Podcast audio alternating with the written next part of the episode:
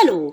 Ez itt a 13 nap, 13 képesség kihívás 11. napja. Ma is görgünk tovább, megyünk tovább itt a képességek sorában. Ugye ez a kihívás olyan képességekről szól, olyan dolgokról, ami vállalkozó nőként erősebbé tesz minket, és ma valami olyasmiről szeretnék beszélni, ami igazán vállalkozó anyuka specifikus, ez pedig a probléma megoldó képesség. Mi anyukák nagyon jó probléma megoldók vagyunk, és ez a képességünk nagyon jól hasznosítható a vállalkozásban is.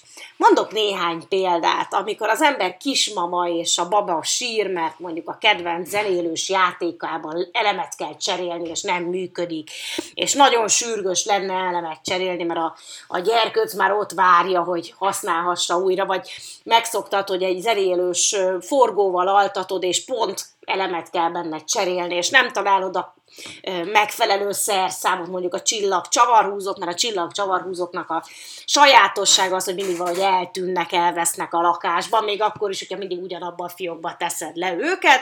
Szóval a gyerkőc ott várja, és a legtöbb anyuka ilyenkor gond nélkül talál különféle eszközöket, amikkel meg tudja mégiscsak oldani azt a csavar kiszedést, és az elem behelyezést, és a cserét, sőt, hogyha nem találsz elemet, akkor szerzel a távirányítóból, de abból csak az egyik jó, akkor szerzel egyet a LED világításból. Szóval előbb-utóbb nagyon kreatívan összeszoktuk hozni, hogy mégiscsak megkapja a gyerkőc azt a bizonyos zenélős kütyüt, akkor is, hogyha nincsenek meg az eszközeink. Na most nagyon sokszor pont ezt csináljuk kezdővállalkozóként is, sőt, néha később is. Elindulsz valahogy azzal, amit van, és azt használod, amit menet közben találsz. Úgy csinálod meg, ahogy menet közben tudod. Nem a legtökéletesebb megoldás, nagyon sokszor, de akkor azok a lehetőségeid vannak, akkor azok a dolgok esnek kézre, azokkal tudod megoldani, és működik. Persze később kicserélheted tökéletesebbre, meg drágábbra, jobb szoftvereket szerezhetsz be, lehet, hogy kezdetben ingyenes megoldásokat használsz, meg, meg ilyen kölcsön kaptál valakitől egy előfizetést, egy szolgáltatást hoz, és azt használod, vagy egy olyan szoftvert, amit még diákként kaptál, és, és ö, ö, most ezt vagy kénytelen használni, amíg nem tudsz venni egy igazi, komolyabb céges verziót, meg nem igazán okos a telefonod, hanem csak félokos, és akkor azzal próbálod megoldani a dolgokat. A lényeg az, hogy nagyon sokszor az elején abból próbálunk gazdálkodni, ami van, és sokan ezt kicsit ilyen szégyennek érzik, mert hogy milyen jó lenne úgy indulni, hogy van így egy pár milliónk, amit elkölthetünk, és a tökéletes megoldásokat vehetjük meg. Ennek azonban van egy hátránya is, és erre is láttam már jó pár példát. Egyrészt, akinek van bőven pénzet befektetni, de még nincs igazán tapasztalata abban, hogy hogyan lehet jól vállalkozni, az nem megfelelő helyekre teszi el azt a pénzt. Tehát nem arra költi, ami a legfontosabb az elején.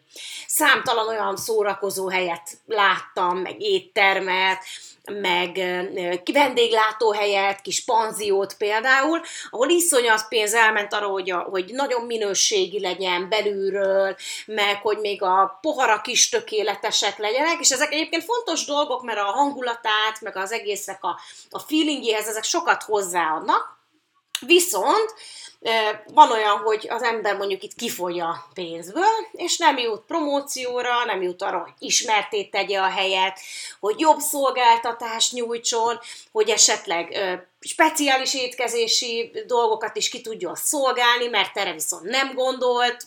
Tehát igazából az jó pénzgazdálkodást az úgy lehet megtanulni, hogy az embernek az elején nincs vagy csak nagyon kevés van, és azt kell használni, ami, ami adódik, és ami van, és abból építeni valamit, és akkor sokkal jobban, meg okosabban tudja elkölteni akkor, amikor majd lesz, amikor egy kicsit több lesz.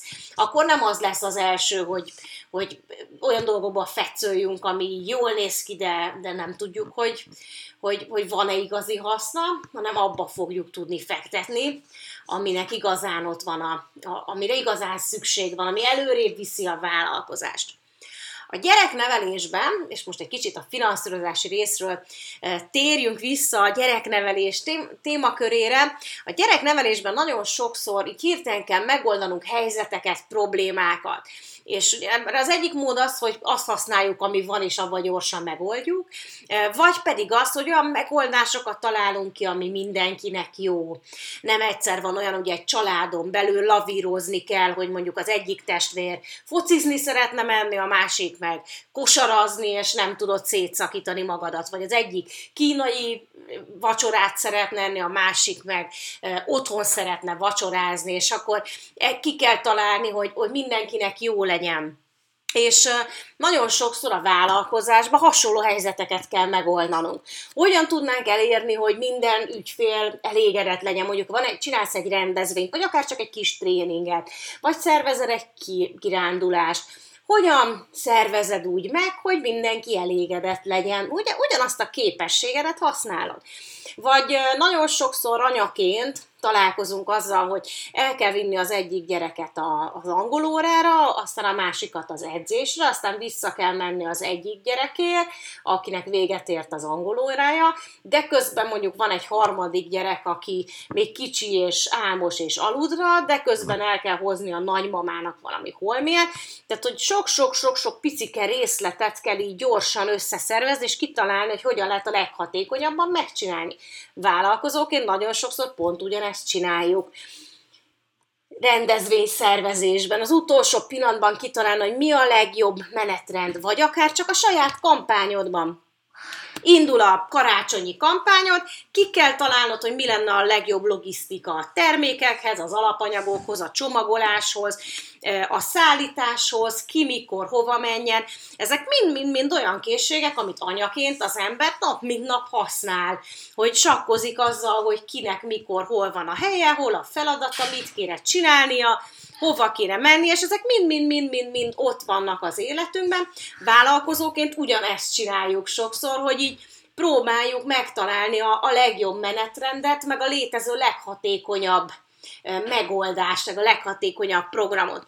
Úgyhogy nyugodtan támaszkodjál ezekre a nagyon jó kis női készségeidre, mert nagyon sokszor ezek tényleg az anyukáknak a feladatai, bár azért az apukákat csak szeretném kirekeszteni, tehát nagyon sok jó szervező apuka is van, de bizony sok családban tényleg az anyuka az, aki figyel a születésnapra, meg hogy mindenki elégedett legyen, meg hasonlók.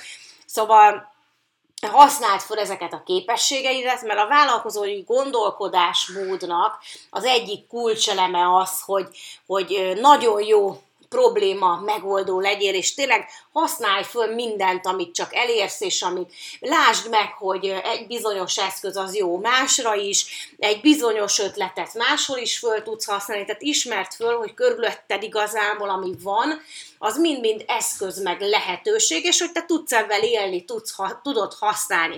Úgyhogy hajrá, Holnap folytatjuk tovább a 12. résszel, most már nincs sok hátra az önismereti kihívásban.